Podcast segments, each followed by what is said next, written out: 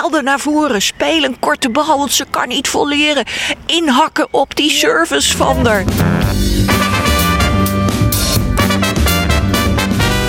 Hallo allemaal, welkom bij de Dutch Touch, een NL Tennis podcast serie over de historie van de Nederlandse tennissport. Een ode aan die Nederlandse tennissers die daarin een prominente rol hebben gespeeld. En allemaal zijn ze lid van de IC, de Internationale Lawn Tennis Club van Nederland. Een vereniging van internationals die voor hun land zijn uitgekomen. De IC telt zo'n 120 leden, waarvan 10 ereleden, zoals Richard Krajcek, Betty Steuven en Tom Okker. In deze aflevering gaan Marcella Mesker en ik, Jan-Willem de Lange, aardig wat jaartjes terug in de tijd. En dat doen we niet zomaar. Want deze maand is het precies 50 jaar geleden dat Marijke Schaar-Jansen uit Den Haag de halve finales haalde op Roland Garros. En daarmee behoort ze tot een exclusief gezelschap, want dit is in de geschiedenis van het toernooi maar vier landgenoten gelukt. Naast Schaar Jansen zijn dat Kea Bouwman, Betty Steuven en in het recente verleden natuurlijk Kiki Bertens. Marijke Jansen. Ze is inmiddels gescheiden en daarom noemen we haar vanaf nu bij haar meisjesnaam. Ze is nu 76 en een bevlogen, speciale gast in deze uitzending.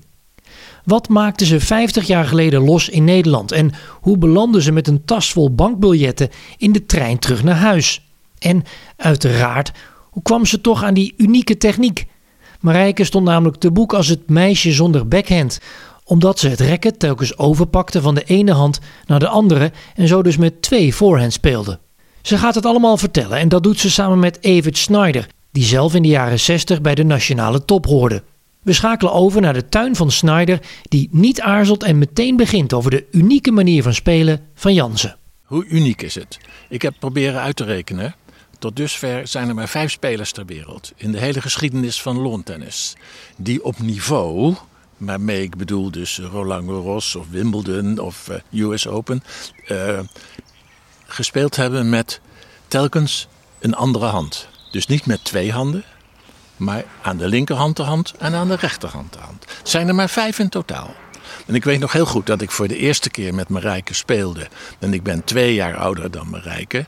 Twee jaar ouder, Marijke? Ja, twee jaar ouder dan Marijke. En um, Tante Mol, op, bij de training op Houtrust, op de overdekte banen van Houtrust. En toen was je weer teruggekomen in de, in de moederschoot van de Tennisbond, van het district Den Haag in ieder geval. Maar moet je daar dadelijk maar over vertellen. En ik speelde met Marijke en ik dacht, dit heb ik nog nooit gezien. Dat klopt ook. En het was ook een hele wonderlijke ervaring. En het moet voor iedereen een wonderlijke ervaring zijn geweest. Een worsteling zou je haast kunnen zeggen als je tegen ja, maar ze sloeg, ook zo, ze sloeg ook zo vreselijk goed. En ik dacht, het houdt gewoon wel een keer op. Toen dacht ik, nou zullen we eens kijken of ze kan volleren. Maar dat ging ook helemaal, eh, helemaal erg goed. En daarom heeft ze ook in de dubbel zulke goede resultaten gemaakt. Want ze miste nooit, dat is natuurlijk de kunst van het tennissen. Ze miste nooit een makkelijke bal. Maar gelijk, heb ik gelijk, maar Nee, je hebt niet gelijk. Niet gelijk. nee, maar goed, ik vind het lief van je, Evert. maar vertel Marijke, want uh, die unieke stijl, linker voorhand, rechter voorhand, geen backhand dus. Hoe ben je daar ooit als klein meisje mee begonnen? Nou, ik uh, denk dat ik een jaar of zes was. Toen speelde mijn moeder op een, uh, met een damesclubje. En ik mocht ook mee. Mijn moeder had me een, jaartje thuis gehouden voordat ik naar de lagere school ging. En er was een mevrouw die met twee voorhands sloeg.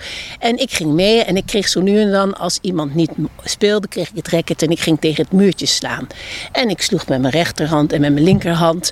En ik zei tegen mijn moeder, ik kan het ook met twee voorhands. En dat week al, oh leuk, zei mijn moeder verder niks. En, maar ik probeerde altijd alles wat ik met mijn ene hand deed, probeerde ik ook of ik met mijn andere hand kon doen. Ik kon er met twee handen tekenen, weet je wel zo. Op een schoolbord, zat ik met twee handen. Dus het zat er gewoon in om alles met allebei mijn handen te proberen, van begin af aan. Want was je links of was je nou, rechtshandig? achteraf ben ik dus uh, naga, ben nagaan kijken voor mezelf, of nagaan gegaan. Ik ben dus oorspronkelijk links. Want de grof, grove motoriek, zoals gooien, schoppen, mikken met mijn ogen, dat doe ik allemaal links. Maar de fijne motoriek, en ik denk dat het ook mijn generatie is, wij moesten nog schrijven leren met de rechterhand. Dus al het fijne deed ik met mijn rechterhand. Dus uh, ja, ging, ik denk dus dat ik links ben. En ik merk het ook als ik iets pak, dan is het links. Maar als ik iets fijns moet knippen, ik noem maar iets, is rechts. Heel raar. Ik ben, het is heel makkelijk. Ik kan heel veel dingen gewoon met twee handen tegelijk. Ja, jouw tennisleraar vond het waarschijnlijk ook raar toen hij jou zag spelen. En probeerde hij je te veranderen? Nou, ik had dus tot mijn 14. Ik ben ongeveer met 12 eigenlijk begonnen met tennis. En tot mijn 14 nog nooit les gehad. En toen had mijn club, dat was Houtrust in Den Haag. Die hadden mij opgegeven als kandidaat voor de jeugdtraining van de, van de Tennisbond in Den Haag, district Den Haag. Dus ik ga voorspelen voor Joop de Mos op de metsbanen. En uh, nou, ik, ik mepte me gewoon die ballen keihard het net over. En heel, toen werd ik ineens geselecteerd. En uh, ik moest dus dat alleen maar het najaar hoor, buitenbaan op de, in de herfst. En uh, ik moest dus met Joop de Mos gaan spelen. Nou, ik vond het vreselijk. Hij wilde alles aan me veranderen. Ik moest mijn racket anders voor uh, vasthouden. Hij zei niets over die backhand hoor, maar vooral mijn racket dat ik anders moest vasthouden. Dus ik ben een paar keer dacht ik, ik ga hier niet meer naartoe. Dus ik ben gewoon meer, maar niet meer gegaan. En toen werd ik meteen weer uit die training gegooid natuurlijk. Gebrek aan belangstelling. Maar je bent er uiteindelijk toch gekomen. Ja, vijf keer Nederlands kampioen. Want ik, ik bleef gewoon in de winter tennis ik nooit. Want er waren ook geen overdekte banen in die tijd. En, en, en dan ging het voorjaar speelde ik voor allemaal toernooien. En ik begon van al die bondsmeisjes, zoals ik ze dan noemde, versloeg ik allemaal. Dus Noem eens wat namen. Noem maar wat namen, Marijk. Nou, van Den Haag. Ja. nee, we komen er wel. Ja, maar dat is lang geleden. Ineke Koster. Ineke Koster, dat was een hele mooie meisje uit Wassenaar. Oh, top. Ja. ja, en die zat in de bondstraining. Ja. Nou, joh, ik weet het echt niet meer even. Julie Visser. Julie Visser. Nee, nee. dat is te ver, te ver weg. en, uh, maar toen werd ik dus, omdat ik vond, nou, ik krijg nog een kans, weet je wel. Nou, toen uh, mocht ik dus uh, weer bij die training. En toen ging het ook in de winter door op de Mets, waar even of op de in Houtrusthallen. Ja, één uur per week. Één uur, één uur in de week in de Houtrusthallen in Den Haag. Met Naast de hockey. Ja, waar, het dus voor, ja. want dat was de kunstijsbaan. Ja. Dus in de Houtrusthallen vroor het ook. Ja, en het dak lekte, want er lag allemaal zaagsel op de grond. Anders braken we ons nek over de plas op de baan. Ja, dat was fantastisch. maar het heeft jou niet weerhouden van eigenlijk een glansrijke carrière in nee, tennis. Nee, maar, maar mijn, mijn contacten met de bond zijn nooit echt geweldig goed geweest. Want Joop de Mos, die was toen bondstrainer later ook, die zag echt niks in mij. En hij wilde me ook nooit bij die training. Maar ja, ik bleef gewoon van iedereen winnen. Dus ik kon op. En dan was, was ik 22. En toen zeiden ze, kwam ik in de finale van de nationale. En toen zei ze, nou, we geven je één kans, want ik was al zo oud natuurlijk, vonden ze. En mocht, één keertje mocht ik naar Zuid-Frankrijk op kosten van de tennisbond. En ik won daar gewoon meteen toernooien. En toen moesten we een selectie spelen voor de Federation Cup. Die toen net nieuw was? In, dat was 1968. Ja. En uh, in Parijs. En Roland nou, Garros. alle andere Nederlandse speelsters. Dus uh, ik ging mee naar, met dat team. En Astrid Suurbeek, die was ons eerste speler. Want die had de nationale gewonnen. En ik speelde tweede single. En uh, wij winnen alle wedstrijden. We winnen de halve finale van Amerika. En we kwamen in de finale. Dus ik had het natuurlijk internationaal ineens gemaakt. Dus ik mocht dat jaar ook meteen rechtstreeks op Wimbledon meedoen. De tennisbond zei toen in dat jaar: je mag kiezen. Of uh, je speelt voor het prijzengeld, of, we, of alles is voor onze kosten en dan gaat het prijzengeld naar de tennisbond. Nou, ik koos meteen los van de bond, want ik wilde er niks mee te maken hebben. En dan weet je, de eerste ronde die je verloor, denk je, kan ik misschien net van betalen. Dat was ook 50 pond toen of zo. Maar daar kon je het niet van betalen. Maar het was wel hartstikke leuk. Dus ik heb nooit meer iets met die bond op kosten van de bond iets gedaan. Nee, maar dat was natuurlijk ook een, een hele andere tijd als je het vergelijkt met nu. En, uh... Zonder coaches en al dat soort dingen, ja. Ja, jij, jij ging rustig door, hè? Want uh, laten we het hebben, 1971, jouw grote succesjaar. Ja. Uh, we hebben wat krantenartikelen erbij gepakt. En we weten nog, Beb van Hout, natuurlijk mooi tennisjournalist geweest. Die omschreef jou als het meisje zonder backhand. Ja. Dat was een grote kop in Kop, de krant. ja. Vond je dat leuk? Is dat ook de juiste omschrijving? Ja. Of zeg je liever het meisje Dat- met twee voorhands? Nee, de meisje zonder backhand, dat vond ik prima. Dat maakt me niet zo uit. Ik had geen backhand, dat is, was ook zo. Ja. Maar eh, als je dan tegen jou speelde bijvoorbeeld. Ik kan me herinneren dat ik zelf nog een keer tegen jou gespeeld heb. En dan krijg je zo'n dag van tevoren of zelfs tijdens de wedstrijd mensen die van de tribune die ongevraagde adviezen geven. Door het midden spelen. Dat kan ze niet. Haal er naar voren. Speel een korte bal, want ze kan niet volleren. Inhakken op die service van Ja, ja. Ehm, hoe heb jij dat beleefd? Want Ja. hoe was het tennis voor jou? Hoe moeilijk was het? Nou, ik weet wel dat als. dus Dat hoorde ik wel vaker door het midden. En dan zei ik altijd heel laconiek van. Oh, is makkelijk, hoef ik niet zoveel te lopen. Weet je van zo. Net zo makkelijk. Maar het, het- ik weet het niet. Ik heb één keer. Dat heb ik toen nooit verteld aan iemand. Eén keer dacht ik, nu speel ik tegen iemand die weet de juiste tactiek tegen mij. En weet je wat dat was? Alles naar één kant spelen. Ze speelde, die speelde was in Hamburg en die speelde gewoon alles naar mijn linker voorhand, zal ik maar zeggen. Het kan ook mijn rechter geweest zijn, maar ik denk dat het mijn linker was. En ik werd er helemaal crazy van, want ik kreeg echt een moeie linkerarm. Dat was ik niet gewend. Dus ik ging bewust me steeds meer naar zo van ik wil die voorhand rechts ook wel eens een keertje slaan. Dat was een goede tactiek. Dus je werd uit je eigen spel gehaald. Ja, doordat ze mij eenzijdig benaderden. Niet door het midden, maar allemaal naar één kant. Dus eh, luisteraars, opgelet. Als je eens iemand eh, treft met eh, Twee. tweehandigheid. Ja. Ehm, want met welke hand serveerde jij nou? Rechts. Met rechts. En je was dus linkshandig. Ja, Dus dat was zeker niet je sterkste punt. Nee, dat was helemaal niet. En ik had dagen dat ik echt niet wist hoe ik die bal over dat net moest krijgen. En op een van die trainingen nog met Joop de Mos op Houtrus zal ik nooit vergeten dat hij daar stond. En nou, die service had hij natuurlijk altijd op te hameren. En nu gaan we links proberen. Nou, je had mij geen groter ellende kunnen aandoen. Dus ik sta daar mijn linkerkant proberen. Het echt niet, gaat echt niet. Maar hij had het door moeten zetten, denk ik. Want ik, als ik links was leer, had leren serveren, was, had ik een betere service gehad. Ja, dat is natuurlijk vandaag de dag natuurlijk nog steeds een Ja. voorbeeld en, en Ja. een voordeel. Eh Luc Jensen, een Amerikaan. De Jensen Brothers, hè? Luc en Murphy Jensen. Eh goede vrienden ook van eh, Brenda Schultz in die tijd, mixed dubbelpartners. Die Luc Jensen, die serveerde met links van de linkerkant en met rechts van de rechterkant. En dat was natuurlijk een geweldig wapenfeit voor Mm. Dat hem. Denk ik ook, ja. Hij zei trouwens wel, ja, ik moet er wel veel harder op trainen dan gewoon iemand die eh, zijn service dat denk ik ook, ja. Want ja, zeg je hebt ongeveer vijf services, een spin, een slice, eh, door het midden, naar buiten, op het lichaam. Hij zegt ja, ik moest dat dus aan beide kanten. Dus ik moest tien verschillende services oefenen en trainen om het te optimaliseren. Maar Ja. dat was wel een, een super, super service van, de, van deze Luc Jensen. Ja, dat denk ik ook wel, ja. Luc werd hij genoemd. Terwijl hij toch maar heel beperkt tweehandig was. Ja, hij is natuurlijk een goede dubbelspeler geweest, hè? Hij valt niet in de categorie van Marijke. Nee. Want daar vallen dus maar vijf mensen in totaal in. kan ik je heb daar niet- iets over vertellen? Nou, ik over heb niet meer, niet meer geteld dan dat. 1 19e eeuw, een man die in 1884, hè, toen bestond Wimbledon, even nadenken, tien jaar of zo. Die kwam in de finale, Herbert Chip. En die was ook een bezienswaardigheid. En dat vonden de dames ook heel prachtig, omdat hij iets bijzonders deed. En dan, dan ben je dus bijna, dan, komt maar, dan heb je Marijke, hè, die we hier te gast hebben. Daarvoor hadden we nog een paar goeie. Die Stefanie, die Stefanie, een Italiaan. Stefanie, een ja. Italiaan. Daar werd die ik wel eens mee die kon heel goed. En Fred Perry had het heel moeilijk met hem. Dus een man die goed, groot gespeeld heeft in de jaren 20, jaren 30. Ja, die noemden hem ook een, eh, een freak, die Giorgio Di Stefani. 1934, finalist op Roland Garros. Verloor toen van Henry Cochet.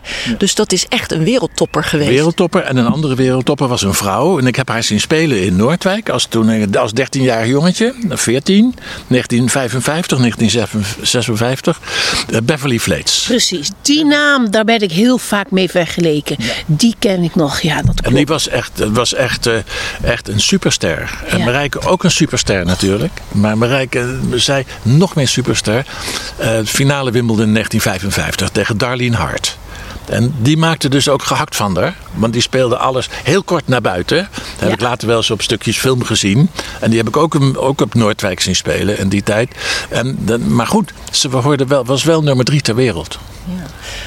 Bij de top drie van de wereld. Ehm, had jij een idool of een voorbeeld eh, in, in jouw tennissport? Hè? Toen je begon of, of later toen je wat beter ging spelen? Naar wie keek jij graag? Nou, ik keek altijd wel heel graag in die tijd naar eh, grote wedstrijden. Toen was ik nog eigenlijk vrij klein, Wimbledon op de televisie. En dan wil ik daarna meteen natuurlijk zelf gaan tennissen, wil ik het nadoen. Maar ik denk niet dat ik een echt idool heb gehad. Ik had in de tennis in, Nederland had ik iemand waarmee ik heel, het allerbeste contact had. Altijd mijn coach coachachtig iemand uh, geweest is voor mij. Daar heb ik heel veel aan gehad. Dat was Hans van Dalsem. Natuurlijk. Dat was mijn... Grote man achter de Dunlop tennisrackets. Ja, maar toen ik bij de Mets ging spelen... heb ik ook met Hans nog competitie gespeeld. En Hans was altijd die kon mij zo goed stimuleren. Ik weet wel, de competitie heb ik eens een keer een wedstrijd gespeeld en ik had het helemaal niet meer. En ik zei, oh Hans, ik huil het naar hem toe. Bij zo, kom op de baan staan, weet je wel zo. Nou, dat was eigenlijk mijn allergrootste was heel leuk om met Hans te spelen. Sporters en spelers onderling die dus elkaar hielpen in die tijd. Dat was heel Vriendschap. Erg. Er was natuurlijk niet zo'n coachachtig. Dat bestond helemaal niet. Je ging ook niet inslaan van tevoren? Nee, ik heb eens een keer tegen Trudy in de finale gespeeld van de nationale. Trudy Groenman. Trudy Groenman. En dan gingen wij, uh, zei, zullen we gaan inslaan? Dan gingen we, moesten tegen elkaar spelen. Nou, laten we het maar even doen. En dan gingen we een balletje slaan op baan 9 op de mets of zo, weet je wel. En dan zaten we gezellig een kopje koffietje drinken, maar inslaan vond ik helemaal niks. Daar word ik alleen maar moe van. Ik kan me herinneren, heb ik gelezen, dat je ook een keer de wedstrijd van de vier forehands hebt gespeeld. Ja. Wat kan je daarover vertellen? Dat was in de Federation Cup zoals die toen nog heette in 1969 in Athene. En toen speelden wij tweede ronde of zo, dat weet ik niet meer precies, tegen Indonesië. En Indonesië was een, een meisje, dat heette, of net zo oud als ik ongeveer, Lita Lim. En die speelde ook twee forehands. Maar die was dus echt duidelijk linkshandig. Hè? En die linkervoorhand ging een rechter niet goed. Dus wij speelden inderdaad de Battle of Four Forehand. Stond er ook in de krant. Was natuurlijk fantastisch. En ik heb later nog een paar keer tegen haar gespeeld. Een keer in Rome, een keer Wimbledon, Wimbledon heb ik ook tegen haar gespeeld. Ik heb gelukkig wel altijd gewonnen, want het was natuurlijk wel belangrijk. Maar dat was wel heel bijzonder hoor, vier forehands. ja. Als je nu uh, die tweehandigheid uh, naar deze tijd uh, trekt, het is eigenlijk heel actueel. Want als je social media volgt, nou jullie misschien niet meer. Maar ehm, we hebben onlangs een jongetje van tien, Theodor Davidov. die heeft bij de Orange Bowl, groot internationaal jeugdtoernooi, furoren gemaakt. Fantastisch gespeeld. Speelt met links een voorhand en met rechts een voorhand. En er is een Amerikaan van 19 jaar, die wil nu prof worden, is college tennisser. Uh, die speelt dus ook uh, tweehandig, hè, met twee forehands. En die heeft het gewoon van zijn vader geleerd. Onder het motto van de voorhand van Nadal links en rechts de voorhand van Federer. Precies, ja. Denken jullie dat daar nog toekomst voor is in deze tijd? Zeker. Ik denk een geweldige toekomst in deze tijd. En dit is ook nog een Australisch jongetje, heb ik gevonden op internet. En wat die jongens overeenkomen, in overeenkomen, ze hebben allemaal een vader die coach is, die tenniscoach is en een psychologieopleiding heeft gedaan. Dus die man die denkt in hersenhelften. En van, van, jongs, van, van jongs af aan. En het is natuurlijk, natuurlijk fantastisch als je dit allebei kan. Want laten we hem nou eens vergelijken met iemand als Raymond Sluiter. Met, of met Fool Macmillan. Nou, die kennen we ook Jouw allemaal. goede vriend. Ja, goede vriend. Uh, met twee handen hier en twee handen aan de andere kant. Vergelijk dat even met dit. Ja, wat een reach heb je ja, dan. Dat scheelt gewoon aan iedere kant scheelt dat gewoon een meter. Ja, denk ik, ik, hoor. En ik denk dat het tegenwoordige tennis speelt zich toch veel meer dan in onze tijd op de baseline af. Ja, en het duurt veel langer. En, oh, en, en dat was, in, in Ils was het echt veel meer oplopen, voleren, tegenstanders ook. En dat zie je niet meer. Ik denk wel, die, die, al die mensen die nou met die twee voorhands leren spelen, jongen, dat ze wel een backhand volley erbij moeten doen. Ik denk dat als ze oplopen, dan is, kom je toch wel in de knel. Dat weet ik uit ervaring natuurlijk. Met een voor, twee voorhands op je navel spelen. Als ze recht op je ballen zit je zo te doen als je recht op je afkomt. Dat is wel, maar ik denk voor het basisspel van tegenwoordig. Je ziet toch als je een wedstrijd ziet. Nou, blijf wel alleen maar van die baseline af. En maar hakken tegen die bal. ja, Toch? Ik vind wel, het is, het is wel veranderd. Weten jullie wie de laatste speelster is geweest, internationaal, die in de top 100 heeft gestaan met het tennis zoals jij hebt gespeeld? Geen idee. Was dat die Russische? Een Russische, die Ja, ben ik tegengekomen. Russin. Want ik heb natuurlijk. Zeker. Als je ondervraagd wordt door Marcella, moet je je, huis, dan moet je, je, dan moet je je huiswerk doen. Ja. Nou, ik, zal, ik zal de naam even noemen, want dat is altijd lastig. Hè? Yevgenia Kulikovskaya, een Russische tennister ja. uit 2003. Heel artikel aan haar gewijd in de New York Times. Want zij speelde de US Open. En ik geloof dat ze tweede ronde haalde. Stond in de top 100. Hoogste ranking van haar 91. Dus dat is, Dat is heel hoog. heel hoog. hoog. En dat is nog niet zo gek lang geleden. Dus wat je zegt, het kan wel. Ja, en Ja. ik denk zeker dat het nu Ja, kan. ja. het ambidexter Dexter. tennis. Hè? Ja. Precies, ambidexter. Ambidexter. Twee keer rechts betekent dat overigens. Ja, voordat we verder gaan met deel 2 van het interview, zetten we even op een rij wat Jansen met haar bijzondere slagen allemaal heeft gepresteerd. Ze pakte 11 nationale titels, dat is verspreid over binnen- en buitenbanen. En ze was vier jaar lang de nummer 1 van Nederland. En ze pakte één WTA-titel, in het Franse Cannes was dat, met winst in de finale op haar dubbelmaatje Betty Steuven. Maar het grote hoogtepunt van Jansen was natuurlijk de halve finale op Roland Garros in 1971. Daarmee werd ze de eerste Nederlandse sinds Kea Bouwman in 1929 die in Parijs bij de laatste vier stond. Een historisch moment voor de Nederlandse tennissport dus, maar of dat ook doordrong tot de tennisvolgers op afstand, we gaan het nu horen. In die tijd, andere tijd natuurlijk, leefde dat succes een beetje in Nederland. Helemaal niet. Helemaal niet. Ik heb een krantenkar, één, één ke- klein krantenknipseltje, dat is misschien 10 bij 10 uit de, uit de Nederlandse krant en dat was alles.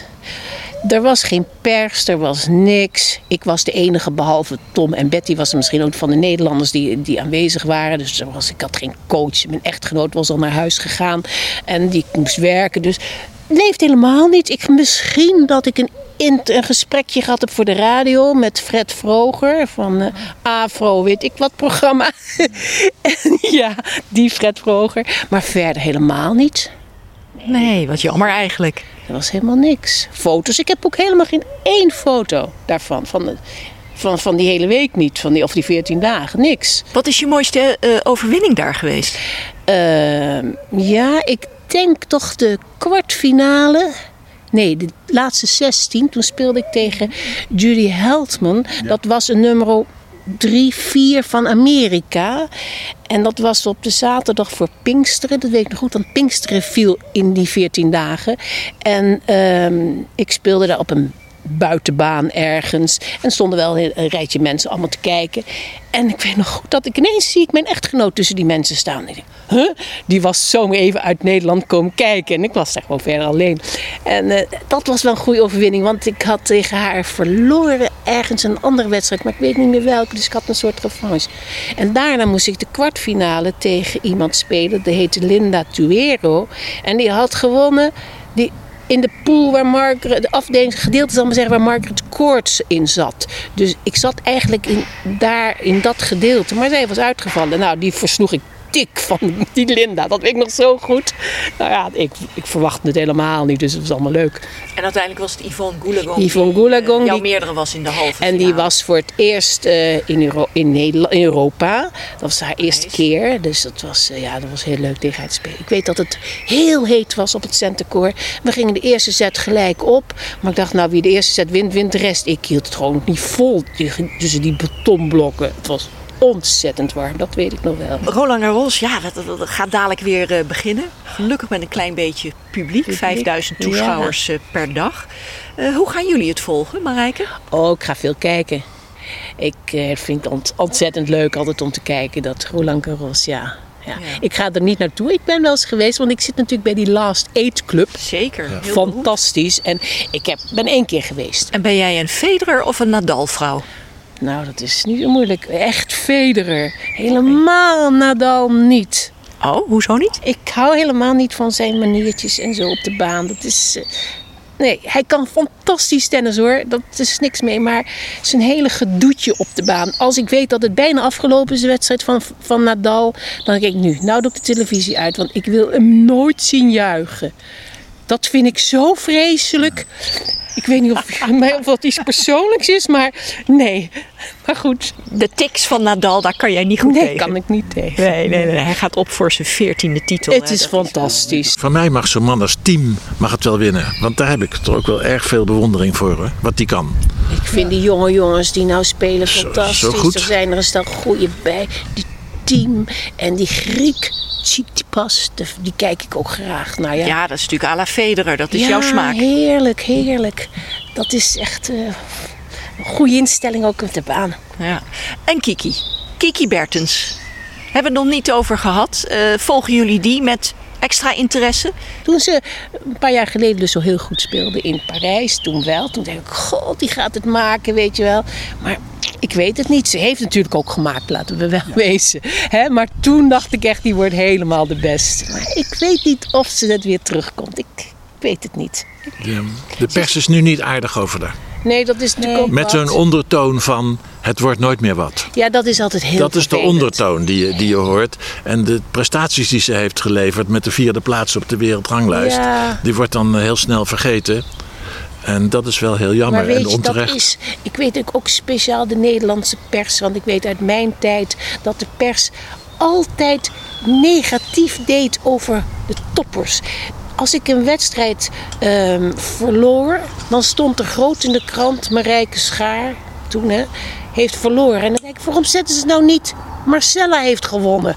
Dat vond ik al, en dat is typisch iets van die Nederlandse pers altijd geweest. En dat kunnen ze nou met Kiki ook zo negatief doen. Dat vind ik flauw. Het is niet mis hoor, zo'n Achillespees. Ja, wat je nooit leest over haar is. Kijk, je hebt van die mensen die hebben, die hebben talent. Het merendeel van de tennissers geldt misschien ook voor andere sporters. Maken minder dan hun talent. Maar zij maakt 120% van haar talent. Ik denk dat, En ze een harde hè, werker En is. dat is ongelooflijk. Ja. Dat, en dat ze dat, dat ze dat volhoudt. En misschien hou je dat dan ook misschien maar kortere tijd vol. Dat is goed denkbaar. Maar ze moet niet opgeven. Dat zou doodzonde zijn, toch? Ik weet niet hoe, precies hoe oud ze is. 29. Ja, dan heb je toch nog drie, vier jaar te gaan. In ieder geval in het dubbel zou je... Als ze daar zin in heeft natuurlijk. Hè. Ja, Roland Garros komt eraan, dan heeft ongetwijfeld eh, het toernooi toch een heel bijzonder plaatsje in jouw hart. Het gek is, ja, ik, ik, ik heb daar een heleboel keer gespeeld. En eigenlijk na die ene keer dacht ik, nou ja, ik ga maar weer even naar Parijs, weet je wel zo. En dan wat ik ook de, altijd herinnering had, we kregen toen helemaal geen kleren en sponsoring was er allemaal niet. Ik kreeg alleen van Hans van Dalsen een Dunlop racket en een paar springkoord linnen schoen- schoentjes. Dat was alles wat ik kreeg, hè. Geen geld zo allemaal niet. Maar wat was er in Parijs? Daar kregen ze aan de hand van hoe goed je was, kregen de spelers en speelsters kregen Lacoste kleding. Dus alleen al daarvoor wilde ik graag naar Parijs. Ging met een lege koffer naar Parijs. En dan kreeg ik zes shirtjes, zeven, vier jurkjes, een rokjes, truien, noem maar op. Vrije tijdskleding. Nou, dat vond ik al fantastisch. En dan nog even tennissen ook, weet je wel. Ja, dan kon je het hele jaar mee door. Oh, ik, ik, ha- ik gebruikte het niet eens op, die kleding. Want het bleef maar lekker in het cellofaatje liggen in de kast, weet je wel. Hey, en over geld gesproken, wat verdiende jij eigenlijk in die halve finale? Ja, heel veel. Voor mijn gevoel heel veel. De halve finale was toen 5000 Franse francs. Dat was dus 3500 gulden in die tijd. Dus dat zou nu ongeveer in euro's nou, 1800, 1800 euro of zo zijn. Nou, dus ik voelde me ontzettend rijk. Hè? En de hele week ik, kon ik daarvan leven. En ik hield nog geld over. Nou, dat vond ik helemaal fantastisch. Als ik een toernooi gespeeld had en ik kwam thuis. En ik had nog geld over. Maar je kreeg het ook cash mee, begreep ik. Ja, eigenlijk niet. Want eh, ze wilden het overmaken naar een, eh, een, een bank. En ik ging naar die wedstrijdleiding. Kan ik het niet cash krijgen? Ja, zei die man van de wedstrijdleiding. Nou, we zullen een uitzondering maken. Want ze, hij wist dat ik dat in het voorjaar mijn auto totaal los had gereden in Zuid-Frankrijk. Zei hij, zei hij tegen die mensen die over het geld gingen. Ja, maar mevrouw Jans of mevrouw Schaar die moet een eh, nieuwe auto kopen in Frankrijk. geweldig. Voor 5000 frank, ja, wie de chauffeur waarschijnlijk weer. want Die had ik ook kapot gereden. Maar ze hadden alleen maar briefjes van 50 frank. Dus ik kreeg hoeveel? 100 briefjes van Zo'n pak. Ja. zo'n pak uh, stapel. Dus zij hadden een bruine envelop. Nou, dat eh, deden, deden ze daarin en ik propte dat in mijn tasje. Maar ik voelde me rijk en ik ging met mijn geld naar En toen met de trein naar huis. Oh ja, en toen ging ik en dacht natuurlijk ook van ja, ik ga duur terug hè, want ik ben zo rijk. Dus ik nam de TEE, dat is de Trans-Europe Express. Die bestaat niet meer, alleen maar eerste klas. Kon je ook heerlijk dineren. Dus ik ging daarheen en ik ging ook aan, in, de, in die restauratie zitten. En ik ging zitten en zat een Nederlandse man tegenover me.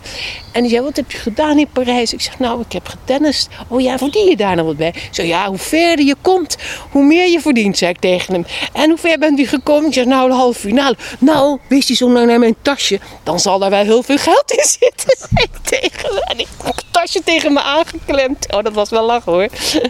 Mooie anekdote. Ja, dat was echt mooi met dat geld. God allemaal.